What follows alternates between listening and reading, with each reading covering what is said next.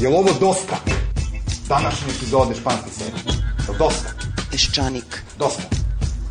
Ona kaže ubacio kartu, nisam ubacio kartu. Na samom početku glasanja ustaje sa svog mesta. Jasno da se izbori moraju održati. 2000 kvadratnih metara je dato na licitaciju. To potpuno nije tačno. 3 miliona evra.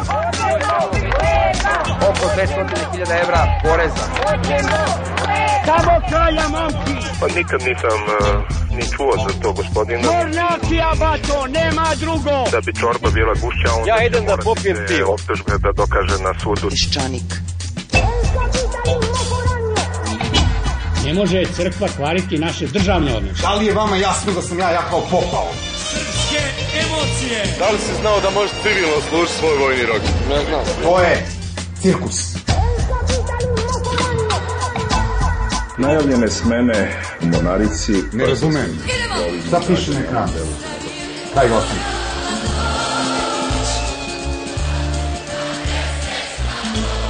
U toku istrage koja je započeta, bit će saslušanje samo koje se ima pominju.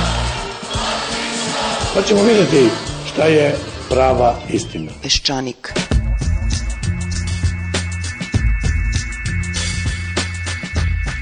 Dobar dan, želim građanima, ali i podanicima Karadžižjevog Čukun Čukun unuka.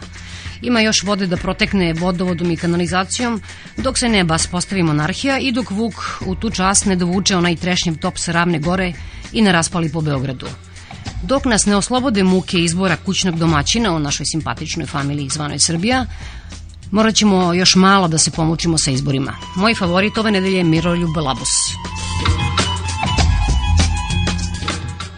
A ko bi odolao čoveku koji nam celom svojom pojavom poručuje što sam ekspert, što sam čist, lep i otmen, a nada sve što sam pametan i sve to sam o sebi otkrio. I ovoj predizbornoj kampanji nam se poverio da je veliki vernik, krstio se sve u 16, doduše nešto subtilnijim pokretima nego Vuk i Velja, koji kad se krste kao da Bogu testerišu drva.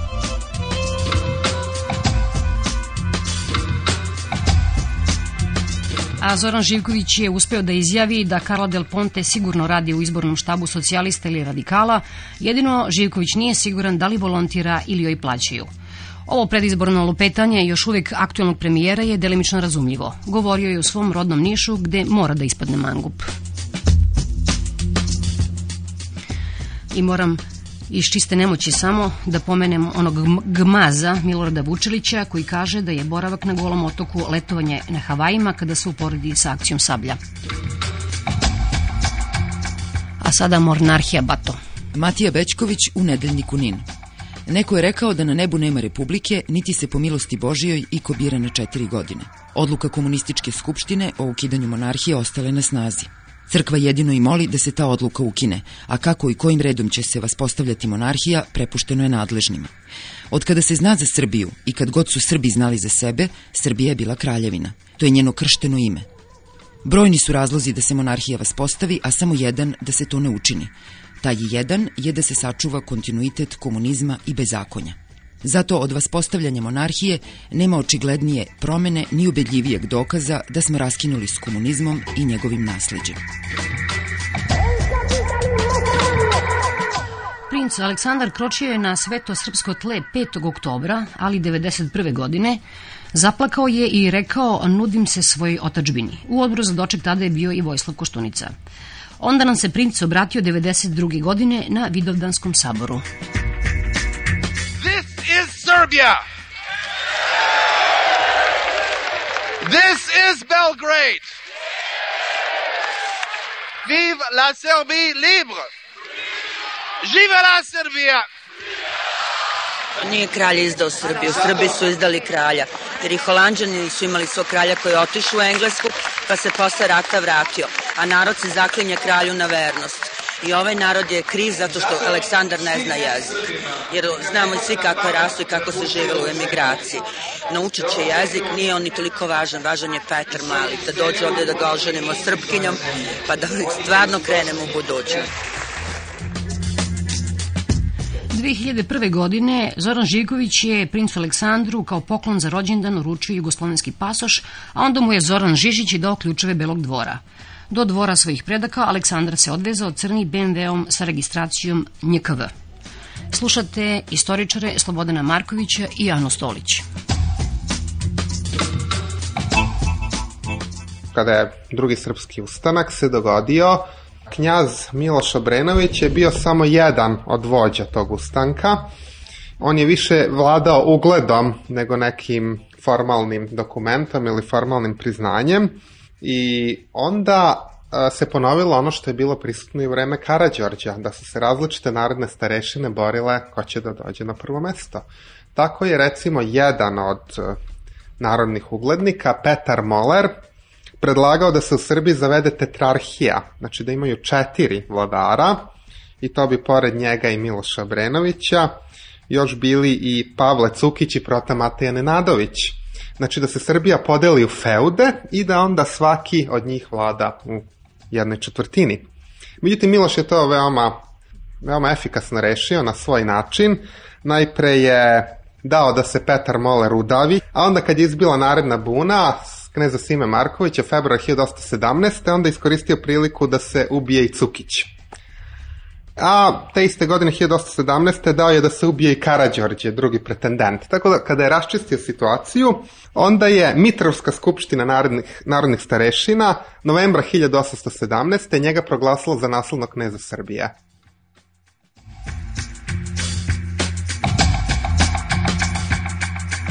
Knez Miloš imao dva sina, Milana i Mihajla. Milan u stvari nije bio u stanju da vlada, vrlo brzo je i umro i nasledio ga je Mihajlo, znači e, drugi sin kneza Miloša koji je te dve godine kratko vladao, posle toga dolazi do prevrata u Srbiji i on je bio izražen u jednom pokretu koji je poznat kao pokret ustavobranitelja koji su se borili za uvođenje ustava, za poštovanje ustava i u stvari za snižavanje tog udela autokratske vlasti jednog vladara u državi.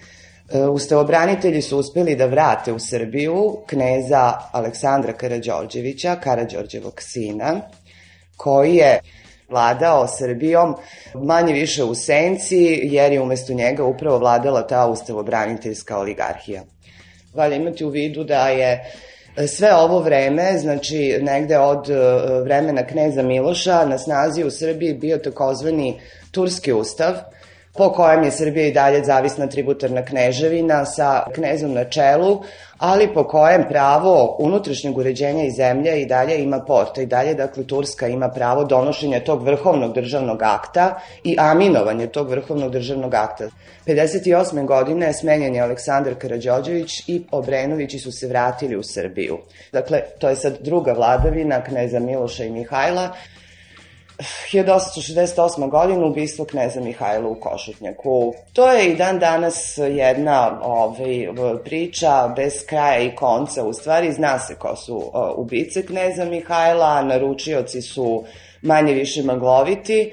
Dogodilo se da je trenutak posle ubistva kneza Mihajla iskoristila upravo jedna klika oko njega e, da ovaj, dovede na presto kneza Milana Obrenovića. Knez Milan Obrenović nije bio naslednik kneza Mihajla, knez Mihajlo nije imao e, direktne potomke, e, zbog toga što u braku sa kneginjom Julijom nije imao dece, taj brak je razveden, čuvena je poslana priča kako je hteo da oženi svoju sestričinu, e, Katerinu, tako da ovaj, knez Milan je doveden iz Vlaške, gde je živeo u stvari jednim životom gde uopšte nije bio pripreman za presto i došao u Srbiju kao maloletni vladar. Odmah je organizovano namestništvo. Ljudi ovi koji su bili u namestništvu su u stvari imali vrhovnu vlast u vreme dok je vladar maloletan. Knez Milan je vladao sve do ovaj, 1889. godine i u njegovo vreme, sad tu ima ovaj, mnogo toga da se kaže, E, pre svega zbog toga što je vreme vladavine kneza, odnosno kralja Milana, vreme kada je Srbija stekla nezavisnost na Berlinskom kongresu. To je jedno vreme kada je Srbija postala kraljevina, znači nije više kneževina, nego je kraljevina. Milan je ostavio na prestolu svoga sina Aleksandra i on je bio jedini vladar u Srbiji koji u 19. veku, znači moderne ove, ovaj, srpske države, koji je bio obrazovan za presto. Jedini on, niko od svih pre njega.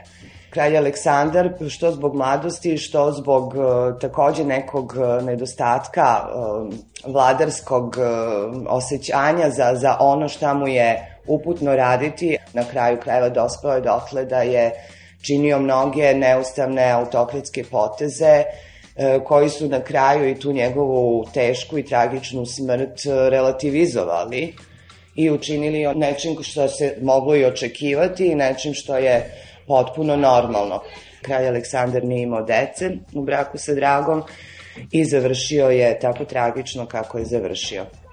Historiografija koja je nastala posle majskog prevrata, posle 1903. godine, dakle iz vremena Karadžođevića, ceo taj period vladavine Obrenovića je gledalo da potisne i nastavilo da potisne, ističući u prvi plan samo ono što nije valjalo. To je e, naravno vreme kada u stvari stvoren na neki način jednopartijski sistem e, radikalne stranke. I u tom jednom čvrstom savezu radikali Karađorđevići tu se u stvari stvorio taj jedan veliki antiobrenovićevski mit. Postoji mišljenje da je i dan danas živ u stvari taj sukob između Brenovića i Kralja, što ja lično mislim da je nonsens svoje vrste. Mislim, e, to je u stvari samo način da se ovaj, održava vatra. To je jedna priča. Druga je ta da pitanje Obrenovića i Karadžorđevića, ako se posmatra van tog nekog personalnog fona, premešta se na nivoje koncepata, različitih koncepata puta kojim Srbija treba da ide. I ta dilema je ovaj, lažna, u stvari prevedena u stereotip. Karadžođevići su oličenje jedne agresivne spoljne politike, a Obrenovići su e, oličenje lukavog vladarskog ponašanja i danas se smatra da su kao Karadžođevići bili, onda bi oni, ne znam, uzeli tu Bosnu i ove, sve bi bilo drugačije, nego Obrenovići su često oklevali kada je bila u pitanju ratna politika dilema je potpuno lažna, jer Srbija je uvek jako zavisila od toga šta se trenutno dešava u Evropi i kako stvari stoje. Većina danas istoričara, ovi starih, oni smatraju da ovaj Berenski kongres nije ništa donao Srbiji. Da to što je Srbija izgubila Bosnu, da je to najveća tragedija i da ovaj, zbog toga ni ta nezavisnost, ni to proširenje, neko teritor, stvari usmeravanje Austro-Ugrska gurala Srbiju na jug ka Kosovu i ka Makedoniji. Svesno je gurala da bi je konačno sklonila iz Bosne, to je definitivno jasno. Ali ništa ni to ne vredi u odnosu na ono što smo izgubili, eto to.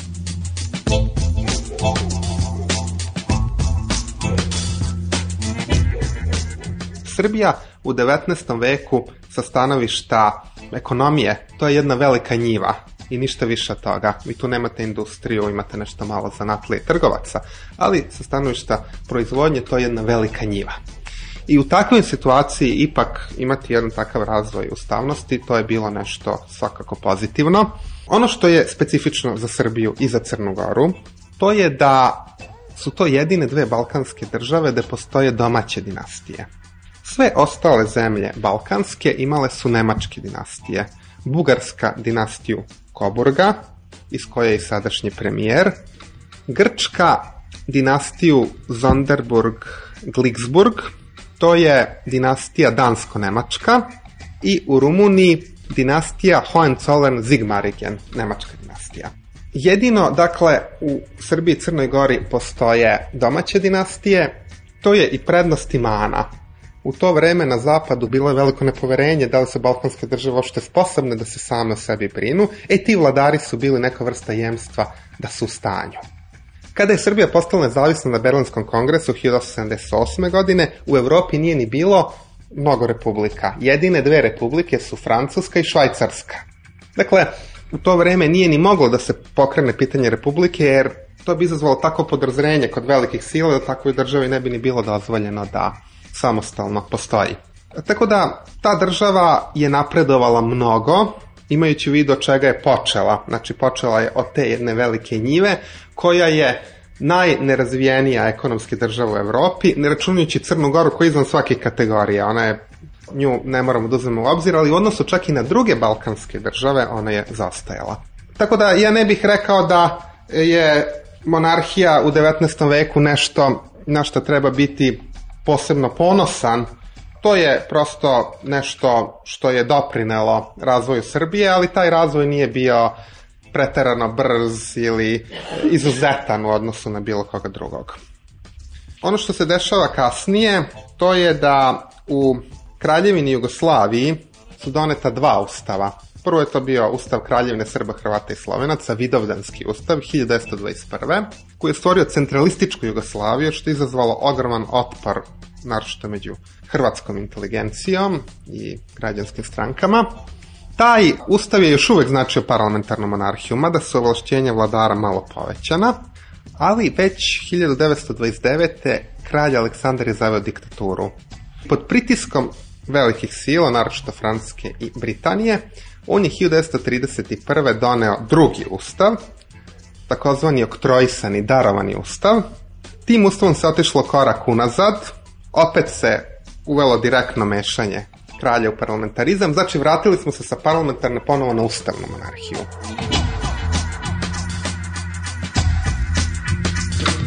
Monarhija je, kao što znate, ukinuta 1945. godine, a izbori za Narodnu skupštinu su sprovedeni 11. novembra 1945. godine. Ti izbori su sprovedeni u krajnje neregularnim okolnostima. I ja ću vam pročitati jedan izveštaj savjetnika američke ambasade kako je izgledala atmosfera u Beogradu u to vreme. I onda on kaže Sve opšti strah preovlađuje u zemlji. U gradovima režim ima odbore i špijune u svakom bloku i u svakoj zgradi. Sigurni smo da su hiljade izbrisane sa biračkih spiskova jedino zato što oni ili njihovi rođaci nisu pristalice Narodnog fronta. Nema tužnije komentara aktualne situacije nego primetbe ljudi koji su se suprotstavili nacističkoj vojnoj mašini kada je bila na vrhuncu njene snage da je Hitler možda bio u pravu. Na sve strane se čuje da je u poređenju s Oznom gestapo bio blaga ustanova. Znači, ono što se događa nakon ulaska partizanskih trupa, to je da se formira jedna jedinica, OZNA, vojna jedinica, vojna obaveštena služba po ugledu na NKVD i zahvaljujući kasnijem Rankovićevom padu, već tada su priznali u socijalističkoj Jugoslaviji da je OZNA bila van kontrole sve do sredine 1952. Znači to je bila jedinica koja je mogla da hapsi, sudi i strelja svakog političkog neprijatelja. Na tim prvim izborima je oko 250.000 građana izbrisano iz biračkog spiska. U svakom slučaju, rezultat je taj da je 1946. donet ustav i taj ustav je zapravo proglasio Federativnu narodnu republiku Jugoslaviju. Dakle, republika po prvi put. Republika, i to je veoma važno istaći, nije ovde izgrađena po francuskim načelima ili po američkim načelima. Ona je izgrađena u vrlo nepovoljnim okolnostima. Ali ono što je najvažnije, to je ustav od 7. aprila 1963. Takozvana povelja samoupravljača. I tu se pojavljuje nešto što već imamo u drugim ustavima. A to je vodeća uloga komunističke partije. Šta je tu problem? Građani su podeljeni na dve grupe. Oni koji pripadaju rukovodećoj grupi i koji ne pripadaju. Nikada taj postotak članova Saveza komunista među punoletnim građanima nije prelazio otprilike 10%. Znači imali ste 90% koji nisu i 10% koji jesu. I to je problem što je po tom obrazcu obrazovana republika, a ne po obrazcu Francuske republike. Još čudnija stvar se dogodila 1974. Josip Broz je proglašen za doživotnog predsednika SFRJ, a on je odmah zatim na 10. kongresu maja meseca te godine proglašen i za predsednika Saveza komunista Jugoslavije bez ograničenja mandata. Znači, vi ste u stvari sa jednog politikološkog stanovišta imali obnovu monarhije.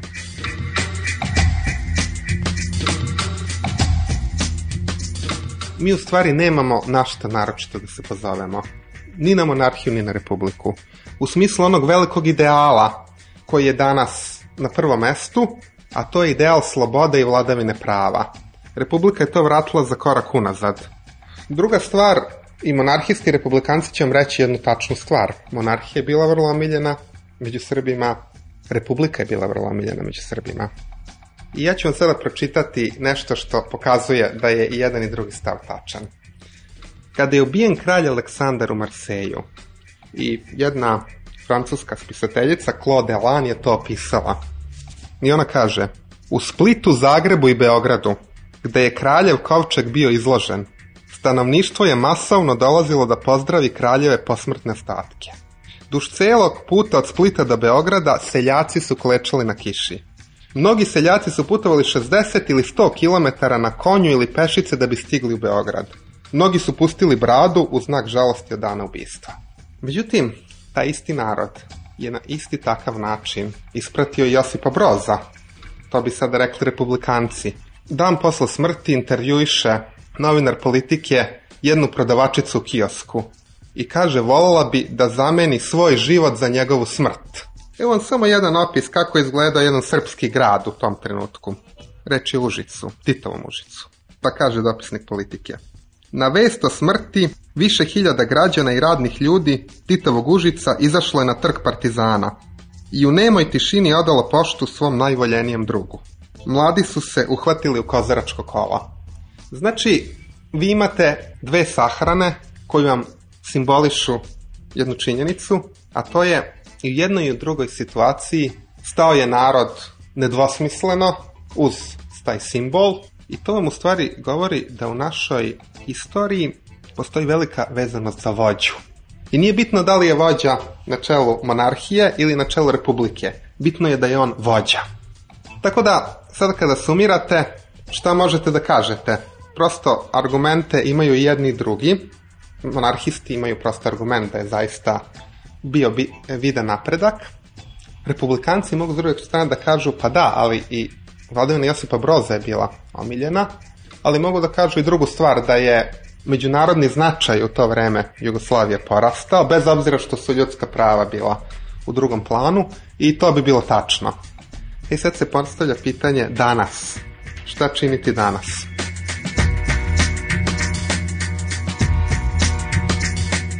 SPO i Novo Srbije su otvoreno monarhističke. G17 plus i Otpor su neutralne po tom pitanju. DSS je stranka čije je članstvo verovatno za monarhiju, ali čije rukovodstvo nije za monarhiju, posebno ne Maršićanin, on se eksponirao da je republikanac. Demokratska stranka je nevoljno neutralna, znači meni se čini da je ta stranka ipak uh, u biti republikanska, ali ta činjenica da je Zoran Đinđić u stvari bio glavni čovek koji je obezbedio pravo korišćenja dvora princu Aleksandru, to je u stvari trebalo da pojača popularnost te stranke i onda od tog trenutka postoji to neko koketiranje. Mislim da ono gde greše monarhisti, to je da će dobiti podršku otvorenu od Demokratske stranke Srbije.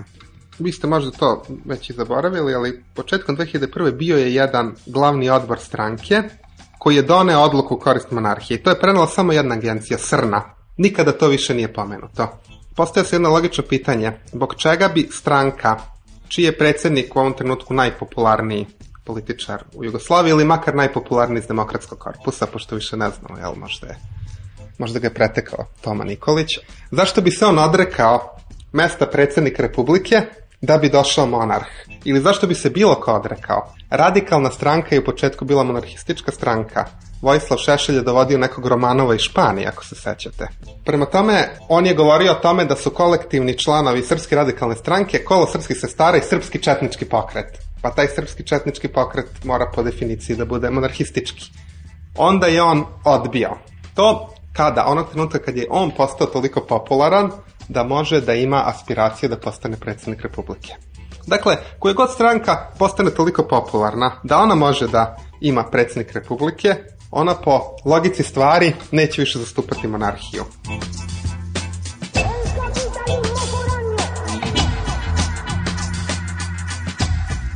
Sad se postaje pitanje da li je moguće sjediniti ova dva principa, monarhistički i republikanski. Ja mislim da je moguće.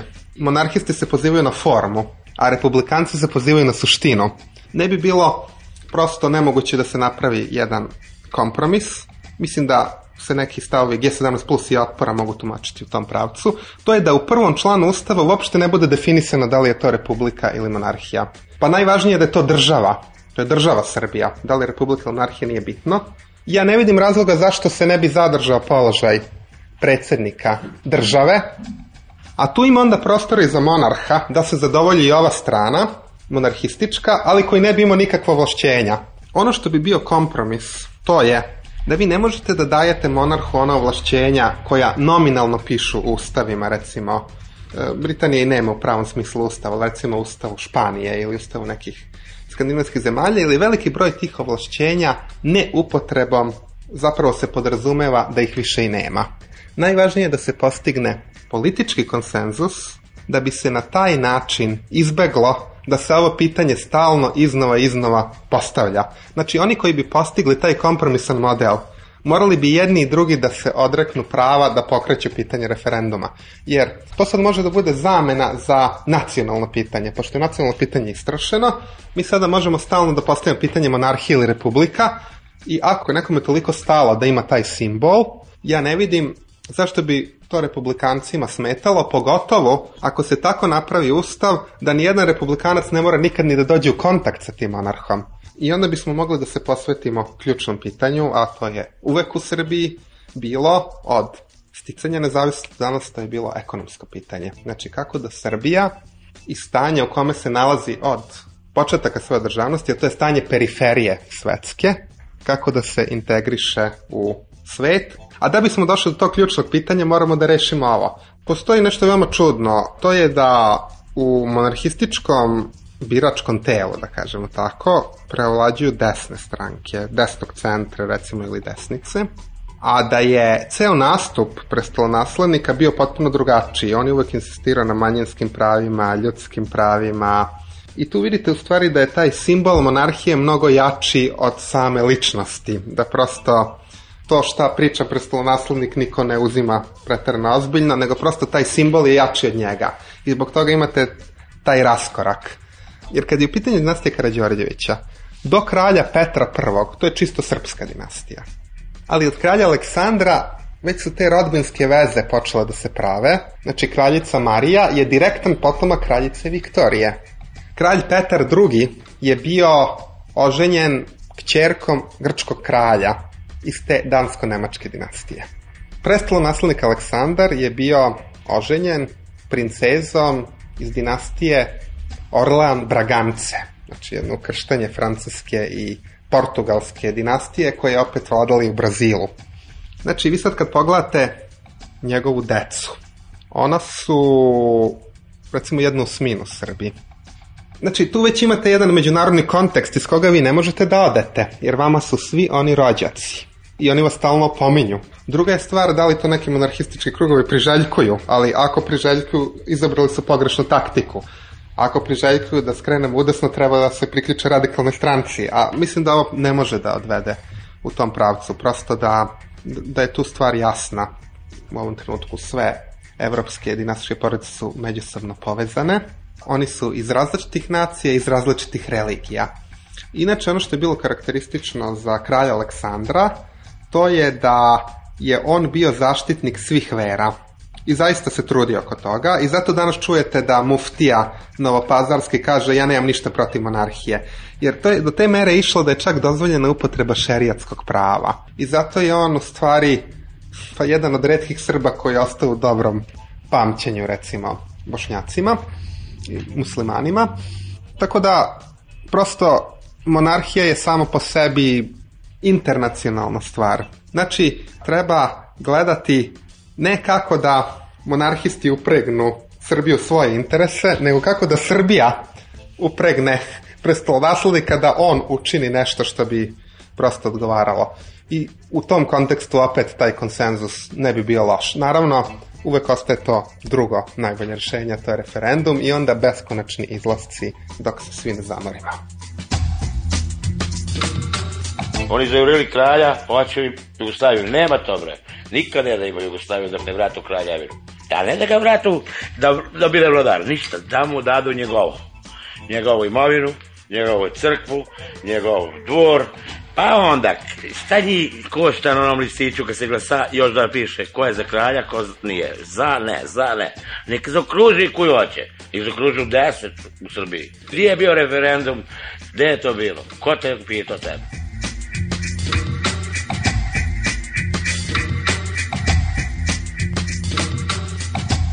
Ovo je bio Mića Lenkić iz sela mora sada da je srećen zato što se kralj vratio na njegovu imovinu. A, slušali ste a, u proteklih 20 minuta Slobodana Markovića iz Instituta za evropske studije i Javnu Stolić iz Istorijskog instituta, a sada podpredsednik Demokratskog centra Gosen Desimir Tošić. Gosin Tošić je upoznao u Londonu i Aleksandra i njegovog tatu Petra II. i kao što ćete čuti nije bio fasciniran. Sad, ako pitanje monarhije, znate, ja sam očekivao davno da oni stupe. Pitam se ko je pozadi, znate, da li je to slučajno koincidencija, ako se radi o izborima, a može da neko da to radi na tome, znate, ja, kao i ovo ocepljenje Srbije od Crne Gore, ja se pitam, naročito ovi koji su jedna američka stranka, da im ne pominje ime, sasvim je moguće da isti lobby američki koji odvaja Crnu Goru od Srbije, da taj isti lobby je naše nezasite ljude za parama pridobiju Beograda da budu takođe, iako su potpisali e, povelju i tako dalje, ništa to ne znači za potpis. Sad, ako pitanje monarhije, znate, ja sam očekivao davno da oni stupe, znate, nisam očekivao da će jedna organizacija koja je tako izgleda nevina politički kao što je Srpska pravoslavna crkva, da će ona uzeti inicijativu. Crkva je nas je ojadila, bar nas koji verujemo u nešto, znate, dakle, tako da crkva se pokazala ne kao politička, nego kao politikanska organizacija, znate. Jer u isti mah imate Ilineja Bulovića sa Marijom Milošović 99. godine. U isto vreme imate Alfilohija koji slavi sa Arkanom jedno badnje veče, sad sam našao godinu tačno kada je to bilo. U isto vreme vi imate vladiku Atanasija koji je u stvari Šešelj u Srpskoj pravoslavnoj crkvi, pošto Šešelj je naš model Pazite, vladike su njima zabranili 90. godine da se oni angažuju politički. Što naravno i čak u našoj diktaturi pod kraljom Aleksandrom i knjezom Pavlom svešnici se bavili politikom, bili rastureni po partijama. Naravno, partijama nisu agitori sa tog Savu, nego su agitori za svoju stranku, recite, demokratska. Interesantno je da najveći broj sveštenika bilo u demokratskoj stranci i kod Ljotčevca. Imala je vladina partija, pošto sveštenici kao pravi nebeski Srbi vole vlast, tako? To vidite sa vlastima, sa vladom. Tako da ne znamo šta se tu kuva. Ja lično mislim da je neozbiljna cela operacija. Međutim, u ovom našem traumatizovanom društvu jedna neozbiljna kombinacija možda napravi dar mar. A kako vam izgleda Krunski savjet i čitali ste e, šta je izjavio gospodin Matija Bečković? Stručno politički rekao divnu reč što nam obećava jednu demokratsku monarhiju. Kaže, činjenica da se vodi propaganda protiv monarhije dokaz da tu nema demokratije i pravne države. Dakle, to je jedna božanstvena neznalica, iako je vrlo talentovan pesnik, ali to nije njegova prva glupost politička koju je on kazao. A šta je sa našim pretendentom? On je 5. oktobra slao poruku u Srbiji je krunisana demokratija. Pa je onda došao i rekao je, pa kad bi ja mogao samo dokumenta, pa kad bi ja mogao samo da malo uđem u Beli dvor. Pa na kraju dođe smo do krune. Ne bi ja rekao da je on po inteligenciji tako sposoban toliko operaciju da izvodi. Može lako da bude njegova žena, a možda bude ljudi u Krunskom savetu. On je u svoje vreme, kad je prvi put počeo da priča, znate, u Americi, a na koje to godine bilo, Ljotićevci su sa njim, znate, radili i on je dao jednu groznu izjavu, znate, da 27. mart je jedno žalosno delo koje je britanska uvešna služba, on britanski oficir bio. A onda su ti nestali ljotčevci, sad su ovi beogradski ljudi koji su vrlo raznoliki, znate, tu imate ljude iz Centralnog komiteta Saveza komunista, imate očevidno ostatke, kako su komunisti govorili, razvlašćene buržuazije koji hoće da povrate kuće, akcije i tako dalje. I vrlo je lepo od njih što se staraju o denacionalizaciji. Maskarada jedna, znate. Naša istorija mora sva da se pročešće. To je sve ili skrivalice do skrivalice ili laž do laž. Samo neke stvari da vam kažem. Sad je u dnevniku danas izlazi Fejton jednog čoveka koga su komunisti ubili 46. godine, ne znam zašto, profesor univerziteta. I on napisuje kako je vrhovna komanda 15. godine mobilisala tri godišta regruta koji su svi nastradali u ratu. Kad se radi o Sremskom frontu, to je katastrofa. A kad naša srpska vrhovna komanda sahrani 27.000 mladih ljudi od 17 do 19, to je patriotski. Bilo ih je 32.000, ostalo je živo 5.000. Recimo jedan detalj. Drugi detalj, znate recimo Dušano zakonik, ja sam to vjerojatno pričao, ponavljam, od toga je sad napravljen neki mit, vrlo je velika stvar da smo mi imali Dušanov zakon i to treba svaka istorija da podvuče. Ali nemojte preterivati, to je jedva je trajalo pet godina. Nije imalo nikakvog uticaja ni na srpsku državu, ni na našu pravnu svest koji dan danas je na najnižem nivou. Znate. Sve je tako kod nas. A uzira, pošto razgovaramo o crkvi, u Dušanovom zakonu ima četiri paragrafa o korupciji. Samo se jedan odnosi na administraciju. Tri paragrafa se odnose na crkvu tamo je bilo korupcije do guše. Pa njih je, molim vas, ovaj, prvo kralj Milutin. Četiri puta se ženio. I kad je trebalo da se ženi drugi treći put, on smeni sve vladek i izabere vladike koje ga razvenčaju. Posljednja žena imala šest godina. Taj mora da je bio ovako specijalan čovjek, znate. On je isti, ali je on zidao, znate. On je napravio rečanicu i tako dalje i vršio veliku ekspanziju. Crkva se savijela u doba Kalja Milana, to je pre 120 godina, dakle nije odavno, znate. Milan je teo da se razvede, crkva nije pristajala, mislim na čelu s mitropolitom Mihajlom, on ih sve smeni i dovede neke kaluđere iz Vojvodine i postavi ih za episkope i oni naravno njemu izglasaju razlog braka. Naši episkopi su agitatori, znate, nacionalistički, konzervativni ekstremisti.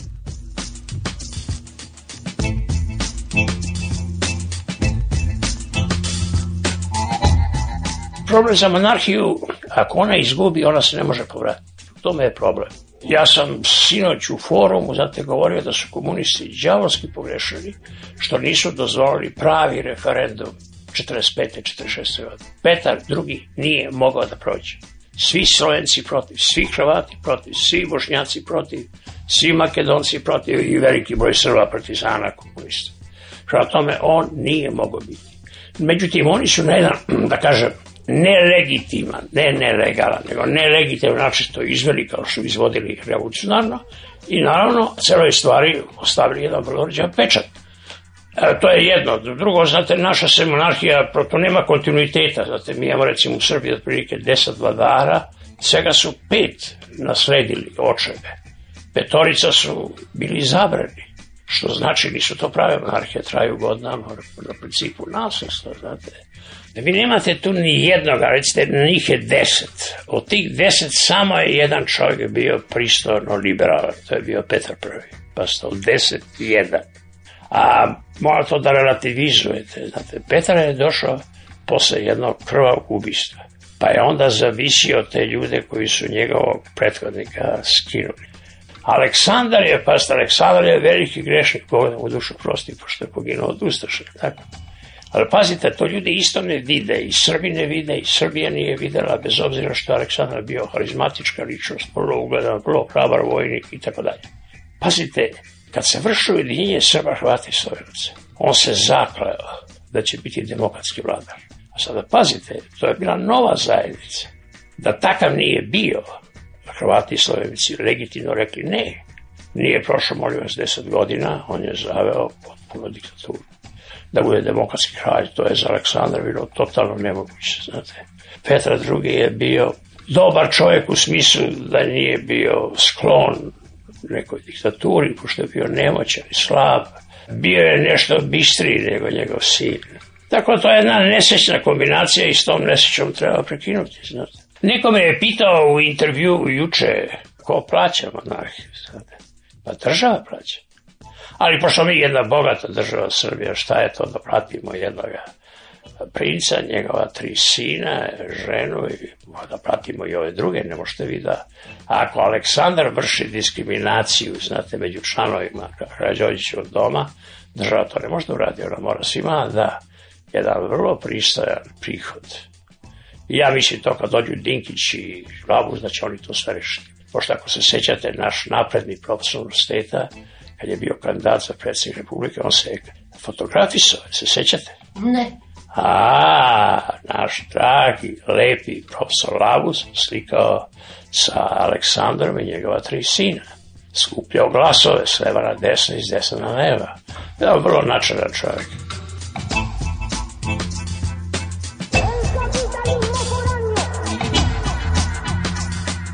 Vi ste ovdje već 12 godina, 13. 30, ja sam 13. stariji. Da li vam pada na pamet da se vratite nazad u Englesku? Da vrlo mi je teško da odgovorim, znate. Moram da kažem, nezavisno od tih problema finanskih koji su bili od uveka, sad su sve gore i teži. Imam jedan problem, tako da mi čini da bi povlačenje bila neka vrsta bekstva, znate. A dosta sam bežao i već mi se to gadi, znate, da bežim.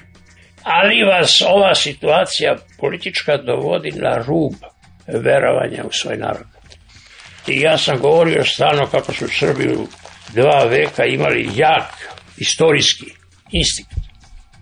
Pred same izbore ja sam nešto napisao, da li će samoubilački instinkt da pobedi Srbiju ili će Srbija pobediti samoubilački instinkt. Ja mislim da je su ovi izbori pokazali da je Srbija potučena, možda ne konačno, od toga samoubistva. Politički mi smo malo. Jeste vi videli koliki je broj ljudi promenio stranku pred izbore? To nisu, znate, konvertiti, što ne veruju ni u šta. To je čista politička prostitucija. I pasne, to rade profesor univerziteta, ne rade mesarski momci ili neki poljoprivrednici sa stare planine. Ja imam prijatelja, ne znam da li me sluša, već rasa volao da me sluša. On je u sukobu sa demokratskim centrom, tako reći, od početka. Ja nisam slutio da će on otići, ali on izgleda da je ispipao da li će on biti kandidat. I verovatno je došao do zaključka da on neće biti kandidat. On je, molim vas, kod Mićunovića večeras bio na slavi, čestitam mu slavu, a sutra ujutro mu je poslao pismo da prelazi u drugu stranu. I to čovjek koga ja ne smatram nepoštenim. Ali koliko su kod nas društvene predstave, norme, potpuno van nas. Mi smo kao životinsko carstvo. Jer pazite vi sada, sada radi čovjek koji će nas voditi sa 51% na izborima. On te ljude, jednog akademika, ovoga profesora Steta i još jednu damu stavi na prva mesta na svojoj listi, pošto oni moraju da budu poslanici. Zašto? Da bi se osvetio Mićunoviću koji mu ništa u životu nije rđa učinio. Tako svetoljubivo kod ljudi koji se predstavljaju pošten, pa lepo govori, pa pošten, pa ne psuje nikoga. U stvari podlac politički prve klase. Da ga ne imenujemo. Ne. Ja mogu da vam šanem na ovo kad se završi diskusija. Svetlana, u 19. veku da jedan naprednjak postane radikal, to verovatno ako popio neki otrov. Ali ja znam u 20. veku, znam prijatelja imam koji je imao fiks ideju da kazni protivničku stranku i traži jednu radikalsku kćera. Vodio borbu čovjek pet godina da dobije devojku. Ne može jedan radikal da da svoju kćer u kuću samostalnih radikala, to je demokrata. Vi možete da napadate taj sistem tih pregrada partijskih. I ja mislim da je to bilo ovako previše dogmatski za, za naše prilike. Ali ovo što mi imamo, to je gola prostitucija.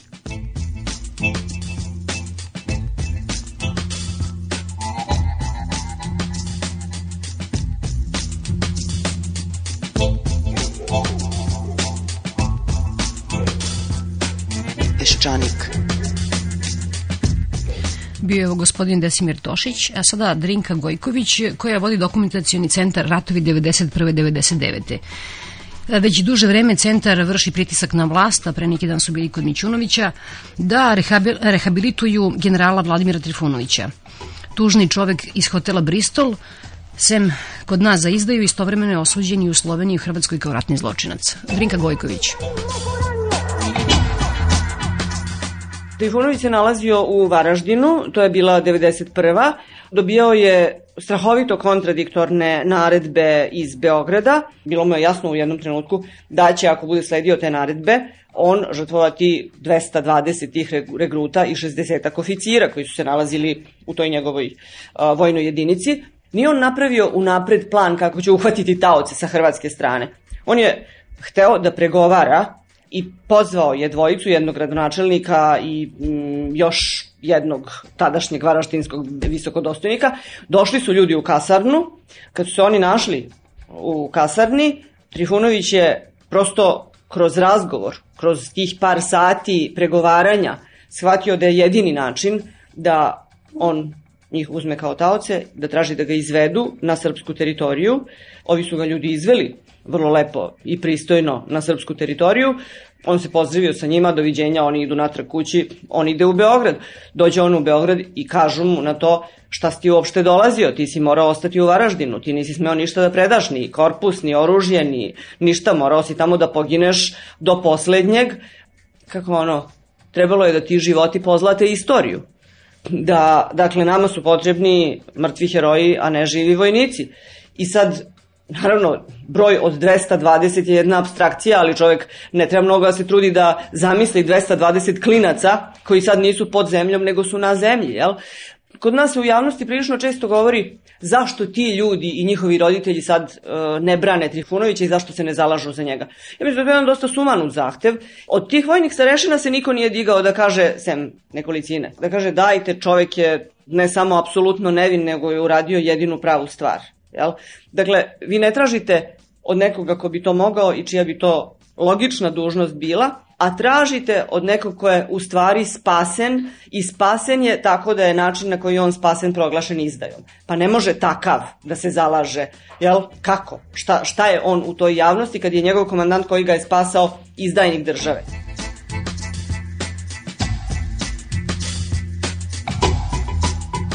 To je sve delovalo, ja moram da kažem, strahovito komično od samog početka kad je osnovan taj specijalni sud, pa kad je Batić davao te grandiozne izjave, ovo će biti naš Ninberški sud. To kaže jednog dana, pa onda sutradan kaže, a kad krenemo da sudimo Albancima.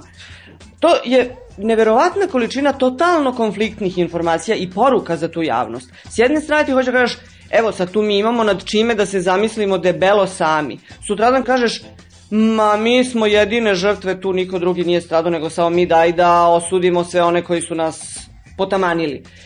Onda nastane muk, onda nastane to neko preganjanje, bit će ovakav sud, bit će onakav, pa ne znam, zgrada, pa tu prosto vi vidite da se neprestano hoda između nekih jaja, samo da se neko jaje ne zgazi, da se ne napravi neka gužva.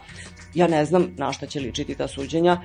Uopšte ne mogu da razumem da se pre svega, pre nego što suđenje počne, ne iznese odgovarajuća evidencija u javnost. Pa slušaj, morali bi mediji da onako samo o tome pričaju, jel? Šta je evidencija za ovčaru? Pazite, svaki čas se pojavljuje kako je toliki i toliki broj tela Albanaca iskopanih po masovnim grobnicama poslat na Kosovo, pa mislim, nisu to gajbice jabuka. To, to, to čovjek ne može razumeti ni kao stav, ni kao retoriku, ni kao ideju o tome šta, šta, o čemu je tu uopšte reč kad se tako o tome priča. Evo sad kao svi znamo, bile su masovne grobnice, neki ljudi su tu potamanjeni, pa dobro, evo sad mi samo izveštavamo da su ta tela prebačena, pa trak tela ovamo, trak tela onamo. Neshvatljivo.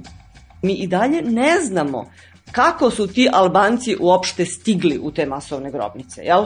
Mi znamo samo tako te neke osnovne stvari. Ljudi su pobijeni. I kad ti prepustiš svakome po naosob u društvu da nalazi za sebe odgovor, pa naravno da tog odgovora neće biti, a pogotovo ga neće biti javno. Ti moraš da imaš neke moralne repere, moraš da imaš neki koncept etičkog funkcionisanja, mišljenja, refleksije levo-desno.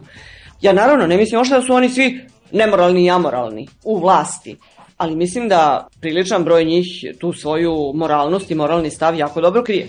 Ne može se svede sve da li ćemo da isporučujemo Hagu ili nećemo da isporučujemo Hagu. I ta ideja da će Hag da napiše nekakvu istoriju, to je onako potpuno, potpuno komično. Hag neće nikakvu istoriju napisati i mi ako je ne napišemo, živećemo kao potpuni zombiji u potpunoj amneziji. Jel?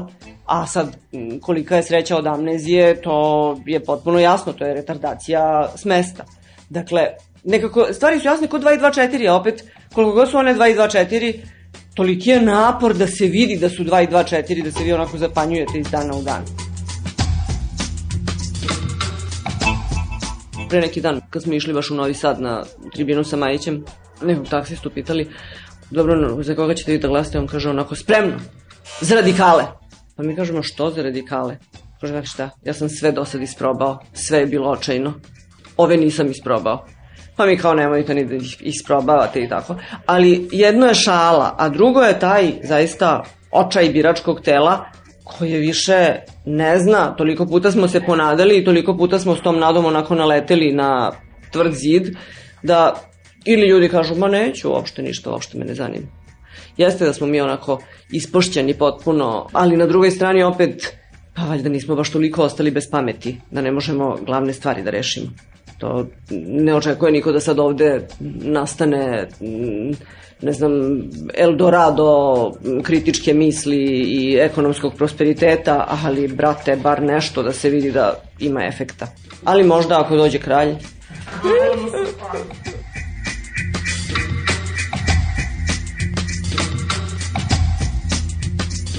Recimo, Labus je jedan vanredno inteligentan čovjek, to ipak nesumnjivo. Kako jedan tako pametan tip može sebi da dopusti da izbacuje do te mere populističku frazu Srbija na prvom mestu, pa nismo mi ovce, pa da verujemo da Srbija o bilo kakvom prvom mestu može i da sanja u narednih sto vekova, jel? Nikom nije u ovoj zemlji stalo da Srbija bude na prvom mestu. I u čemu da bude na prvom mestu? Mislim, nek se tuku u košarci, ali, brate dragi, ne pričamo o košarci, jel? Mislim da oni kao što je Milošević radio i to je stvarno onako fatalna mana ovdašnjih političara, neprestano za vrlo sitne pare gledaju da kupe birače i biračima je toga preko glave. I ja ne mislim da ovi nisu svesni da to glume. To je jedno onako užasno loše glumatanje na toj javnoj sceni sa jezivim posledicama, a opet se nastavlja. I prosto nekako i to čoveka baca u čudo. Jel moguće, jel moguće da nas toliko prezirete? Pa prezirete nas. Ja mislim da su ljudi ustali protiv Miloševića kad su shvatili da su onako prezreni totalno i da neće, brate, da ih neko više na taj način šamara, jel? Pa ovi bi hteli da sebe dovedu valjda u istu situaciju. To je neprestano laganje, neprestano laganje biračkog tela. Neprestano. Kao da su birači potpuni debili. Labus je bio potpuno drugačiji pre nego što je ušao u politiku. Valjda kad uđu u politiku oni izgube svaki kontakt sa realnošću, pomisle da sad tu vuku neke konce kao u lutkarskom pozorištu. Neshvatljivo, potpuno, potpuno nezreli političari, potpuno. Ne znam koliko ćemo mi čekati da nam dođu neki normalniji političari, a na drugoj strani vreme prolazi i to vreme ne, ne, ne porađa samo po sebi nešto što je normalnije. Naprotiv, to samo još dalje korodira, korodira, korodira i mi možemo zbilja da postavimo to stvarno najveća opasnost, postavimo tako neka potpuno mutna, ne ni mračna, nego onako mutna zemlja u kojoj ništa ne stoji gde stoji, u kojoj nikakve nade u stvari nema, ali ništa baš ni ne propada do kraja. Čoveka hvata jad od količine propuštenih šansi. Onako promašene, potpuno pro, propuštene grandiozne šanse. Grandiozne šanse. Pa, koje strpljenje mi treba da gajimo i šta nam daje uopšte ikakvu osnovu da verujemo da bi to strpljenje moglo ikada imati smisla? Deprimirajuće. Pa, de, deprimirajuće i to je već jedna istrošena. Sve su reči istrošene, što go čovjek kaže. To je nekako toliko puta već rekao sebi samom da čemu uopšte više i da ponavlja. I onda ajde tako svako gleda valjda da radi nešto što, što može da uradi, koliko može da uradi, pa možda će to negde stići ipak.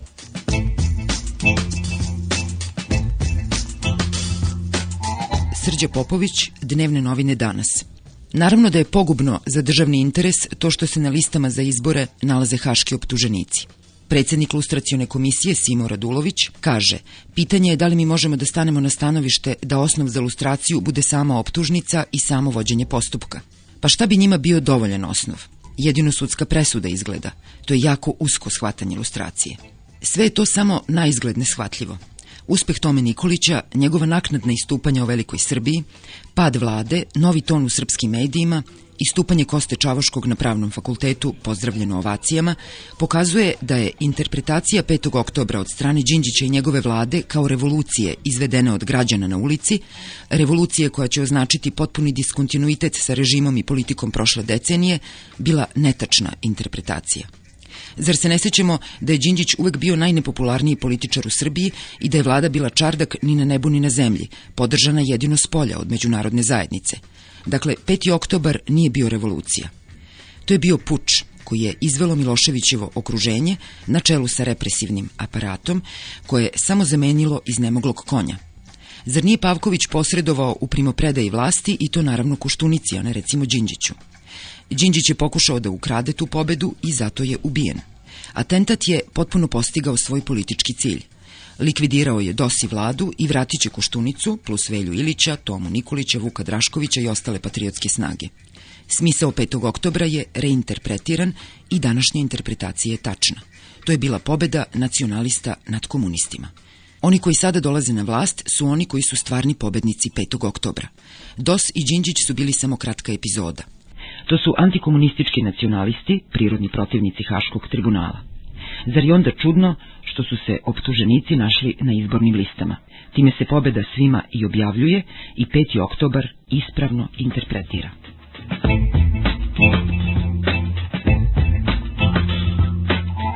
Hvala vam što ste slušali Peščanik. Peščanik.